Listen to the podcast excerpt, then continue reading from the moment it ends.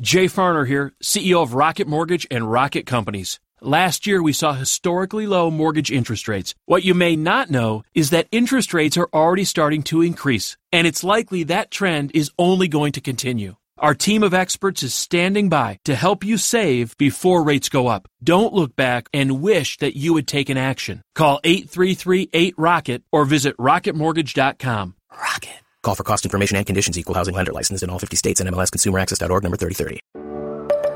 This is what matters most, and I'm Matt Popovits. Look, life is crazier than ever, and lots of people, maybe even you, are feeling anxious and overwhelmed. Today's message is designed to help you figure out what's most important and to experience the peace and joy that God intends for you. Because life is a gift, and it shouldn't be wasted on worry. I'd like to give you a resource, something to help you navigate the road ahead. Just go to mattpopovits.com, click on the icon, and we'll send it to you. That's Matt, P-O-P-O-V-I-T-S dot com. And hey, if you happen to live in the Houston area, I'd love to see you on a Sunday morning at St. Mark in Spring Branch. Head to stmarkhouston.org to plan your visit. Here's today's message. Thanks for listening. That's what we're talking about in this series is how the gospel resets how we approach the most important people around us. And so last week we talked about how the gospel shifts and changes one's understanding of marriage. Uh, and today we're talking about how the gospel shifts and changes one's understanding of, of an adult's relationship to children, in particular, parents. Here's how the gospel resets our understanding of an adult's relationship to children, in particular, our view as a parent. Children do not exist for us to find our joy, they are a means for us to share our joy with the world. Parenting is not about finding your joy in children, it is about sharing your joy with your child and then with the world through your child. Uh, great thinkers like, like Augustine or uh, Viktor Frankl uh, have done a lot of writing on this idea that human beings are born into this world with an innate sense that something is missing. Augustine writes about this. Viktor Frankl, in his, his, um, his incredible work, Man's Search for Meaning, uh, makes this argument that we are born into this world with an innate sense that, that there is a significant piece that brings meaning and purpose in our life that we don't inherently have with us in life. And so we go searching for that thing that gives us a sense of wholeness and peace, of completeness in this universe. And we will go searching in our work for that sense of wholeness. We will go searching in experience for that wholeness. We will go searching in relationships for that wholeness. In fact, this is why Augustine writes this. He says, Your heart will ultimately be restless until it rests in Him. Now, who is that Him? It rests in God. Well, more specifically, Jesus says, I'm the missing piece. Uh, what Augustine is writing about, what Viktor Frankl is writing about, is ultimately, Jesus says, me. What your deepest need is, is to be reconciled to the Father who made you. You see, we're all children we're all children who are born into this world disconnected from the Father who made us and who loves us. And that deep need you have, that sense of meaning and purpose that you, you have deep inside of your soul, that is your need and your desire to be reconnected with the Father who made you. You're born into this world disconnected from Him, and what you need is to be reconciled to Him. And so Jesus comes along and says, I've got the answer. Through my life and through my death and through my sacrifice, I make you a member of the Father's family. I meet the deepest need. I let you know that you are noticed by Him and you're loved by Him and you're not forgotten by Him and you're recognized by Him and you are forgiven by Him. You are a member of the Father's family and He's found you and He loves you and He wants you. That's the deepest need inside of you. But if you don't know that, you will go searching for an answer to that urge in all the wrong places. You'll search for your meaning and your purpose and your wholeness in them. And maybe you've never thought about this that there are relationships in your life, like, like your significant other or your friends, or perhaps even your children, and you are asking something impossible of them. You're approaching them and you're asking this person to make you whole, which is impossible burden for anyone to bear. Very often in my role as a pastor, I'll get asked by a, a, couple that's engaged, getting ready to be married, or a young married couple that's having their first child, and they'll ask me for some advice about marriage or, or having a child. And one of the questions I can't help but ask very often is this As you approach marriage or as you approach having a child, is there anything about this relationship that you're wanting from that other person that you really should only expect from God? Is there anything about this, this spouse? Is there anything about the arrival of this child that you are expecting from them, for them to do for you, that really should be an expectation that should only be put on Jesus? Like if you're expecting this person to be the answer to every sorrow, maybe that's too much. If you're expecting this person to be the final puzzle piece for your peace, maybe that's expecting too much. Because really, only Jesus can do that who promises you that you are made right with the Father, and that's your deepest need, is to be known and loved and forgiven by Him. You see, children are a means for us to share our joy with the world. Things become messy and complicated and frustrated when we try to find our joy and our purpose in them. Now, I want to dig a little deeper on that. If we try to find our joy in the lives of the little ones around us that God has entrusted to us, whether it be as a, a mom or a dad or an aunt or an uncle, whatever it is, we try to find our joy in them that can only come from Jesus. We tend to fall into one of two traps. And when we see them, it's typically pretty heartbreaking when we see them. If we try to find our joy in children, we will, we will either end up serving that child as if it's God or sacrificing that child as an offering.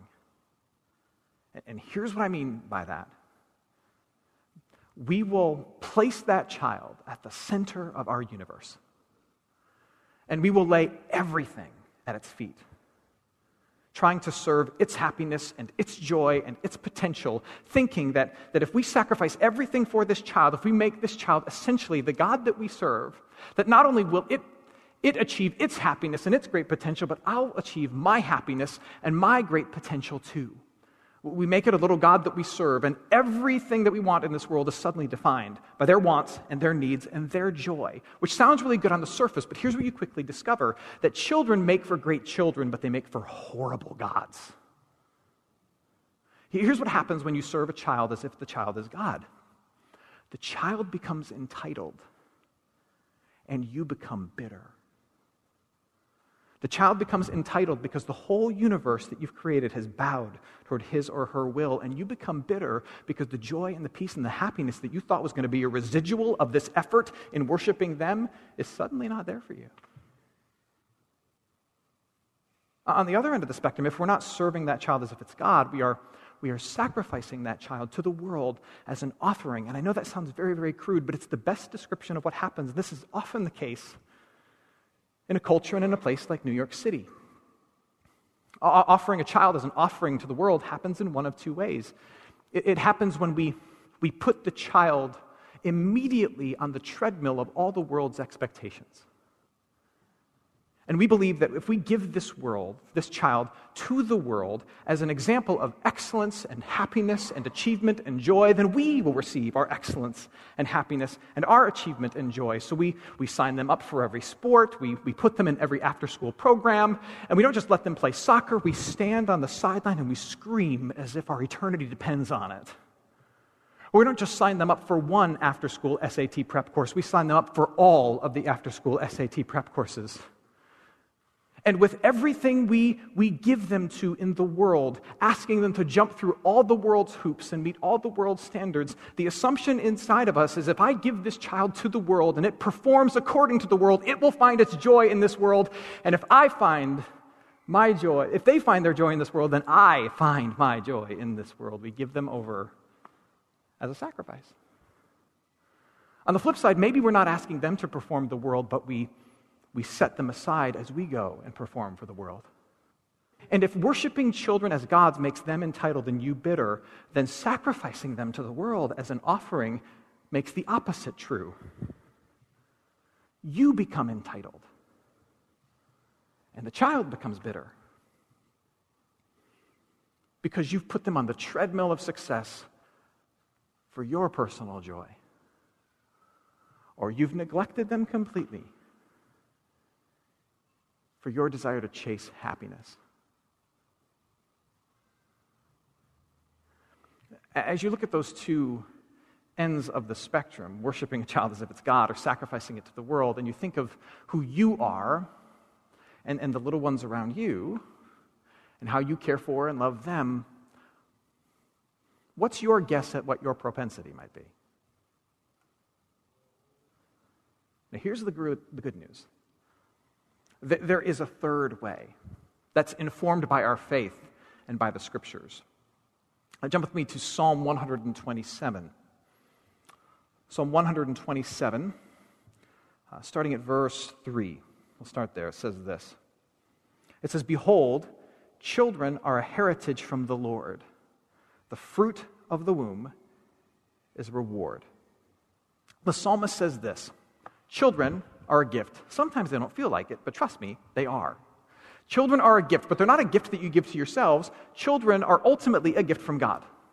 And here's what we know about gifts from God gifts from God are not to be worshiped. Gifts from God have been given to you, they're not to be sacrificed by you. Gifts of God are meant to be stewarded by you. Now, that's kind of a church word, stewardship. Here's what we mean by stewardship. To be a steward of something means that you are entrusted with something of value for a limited amount of time. You didn't ultimately make it, you didn't ultimately create it. You played a part in it, perhaps, but ultimately it belongs to somebody else. It has value, and they've entrusted it to you for a time. And while it's in your hands, your job is to grow it and to nurture it and to care for it and to pour things that matter to the owner into it. And at some point in the future, your job is to give it back to the owner. It is to send it out back into the world and give it to the owner. You're a steward, not an owner. He's the owner. And so, if you're an aunt, if you're an uncle, if you're a mom, or you're a dad, this is ultimately what parenting is about. It's understanding that I have been entrusted with something for a time, but it's ultimately not my own. While I have it, I'm to care for it, I'm to nurture it, I'm to pour things into it that matter to the one who actually owns it. And at some point in the future, I will, I will give this thing back to God by sending it out into the world. Which, which means every good steward is actively asking the question Am I managing this thing well? Am, am I pouring the things into it that matter to the one who gave it to me? And am I ready for the day, and am I making it ready for the day that I send this thing back out into the world? I can tell you in my house, we know exactly the day when we send our children back out into the world and we give them to God. The day is August 30th, 2032. That is the date of my son Jack's 18th birthday. And that is the day when, when my stewardship is done and I send him back out into the world. My daughter on that day will also be um, 27 years old. We're going to hold on to her for a little bit longer because we like her a little bit more. We want to spend more time with her. That's only partly true. but there will come a day when we have to give them back to God. I hope you're enjoying today's message. For more of what matters most, you can head to mattpopovits.com. There you'll find other messages. You can support this ministry as well as access your free gift. Oh, and if you're looking for a local church and you live in Houston, come and see what's happening at St. Mark Houston. To plan your visit, head to stmarkhouston.org. Thanks for listening, and back to today's message. But there will come a day when we have to give them back to God. And, and parents miss the boat when, when they wrongly think that they somehow own their kids forever. Uh, this is how you get helicopter parents in college who swoop in and do their kids' homework for them. Uh, th- this is how you get meddling in laws who never seem to understand the idea of leaving your family behind and cleaving to your new spouse. They think they come with the new marriage. Uh, also, we, we, we discover a problem when when we, we remember the fact that we have to send this child back out into the world at the last possible second, and we wait until the kid's like 17 and a half years old and already awful, and we think to ourselves, wait, I'm just a steward of this thing. I've got to send it out back into the world, back to God who gave this thing to me. It's ultimately His. I got to give Him back to Him. So let me do about 18 years worth of parenting in six months, and six months of grounding and yelling can't make up for 18 years of failing to steward the life of a child. That is ultimately what it's about is stewardship. Now, now, there are two other metaphors in the scriptures that I think are really helpful when it comes to understanding, as an adult, your relationship to the little ones around you. And the two metaphors are this arrow and echo. And you see this in the scriptures. The children around you are an arrow and they are an echo. Uh, let, let me prove this to you. If you go to, let's see, Psalm 127 again, this time we'll look at the fourth verse. It says, Behold, children are a heritage from the Lord. The fruit of the womb is a reward. Here's the key like arrows in the hand of a warrior are the children of one's youth. Blessed is the man who fills his quiver with them. What do we know about an arrow in the ancient world? Here's what we know an arrow in the ancient world was, was handmade. And as a result of it being handmade and hard to craft, it was precious, it was of value. And so you cherished it. And you were blessed if you had a lot of them. But this thing wasn't handmade and cherished simply to be cherished and to be kept on your back in the quiver. It was meant to be aimed at something. That's why you made it. And it was not only meant to be aimed at something, it was meant at some point to be released out into the wild to hit a target. And then once it hits the target, your job is to run after it and see what it's hit and celebrate where it's landed. That's what you do with an arrow. And that's ultimately in this metaphor, what God is saying we do as a parent. You are blessed if you've got a lot of arrows, but they were not made to be kept in the quiver. They were made so that you could cherish them and hold on to them, but ultimately so that you can aim them of something of substance, something of import, and then you let it go, you release it out into the wild and dangerous world, and where it lands, you then run after it, not to pull it and take it back. No, an arrow in the ancient world can only really be shot once. You get one shot with the arrow you've been given, and where it lands, you show up and you celebrate it. Which means in the life of the little ones around you, you should be asking questions like this Am I aiming this thing at anything? Am I just holding on to it forever? Am I aiming this thing at anything? And am I aiming it at something of substance and of importance? Am I aiming it at the things that matter to the Father? Am I telling it that it has a Father, that it's covered in the grace of Jesus, and that this whole life He's given to us is a life where we live in grace for love of other people? Am I telling it these things? Am I aiming it at the right things? And then, am I preparing for the day when I'm actually going to let go of this thing and shoot it out into the world? Am I telling this child that a day will come where you will be released from me into the world because that's what you were made for? There will come a day where it won't be cool to live in mom and dad's basement anymore. Where it will not be okay to stay here on my back. It won't be okay. You have to go out into the world on your own. Part of the job of a family is to protect against the regression of every other member of the family. Did you know that? And to remind each other that we were made to leave. And to protect against any one of us staying in the quiver too long. Are you preparing them for the day that they are to be shout, shot out into the world? And then once they're shot out, are you chasing after them and looking at where they land in life? And are you celebrating it? Or are you criticizing it? Are you critiquing it? As if you weren't the one who aimed them. As if you haven't already released them, as if you can go back and put them on your back again and shoot them out again. Your job doing that is done. Your job is to chase after where they land and encourage them and celebrate them. That's what you do with an arrow. The second thing is an echo. Chances are, if you've been around the Bible for any length of time, you've heard this verse. It's printed on coffee mugs and t shirts.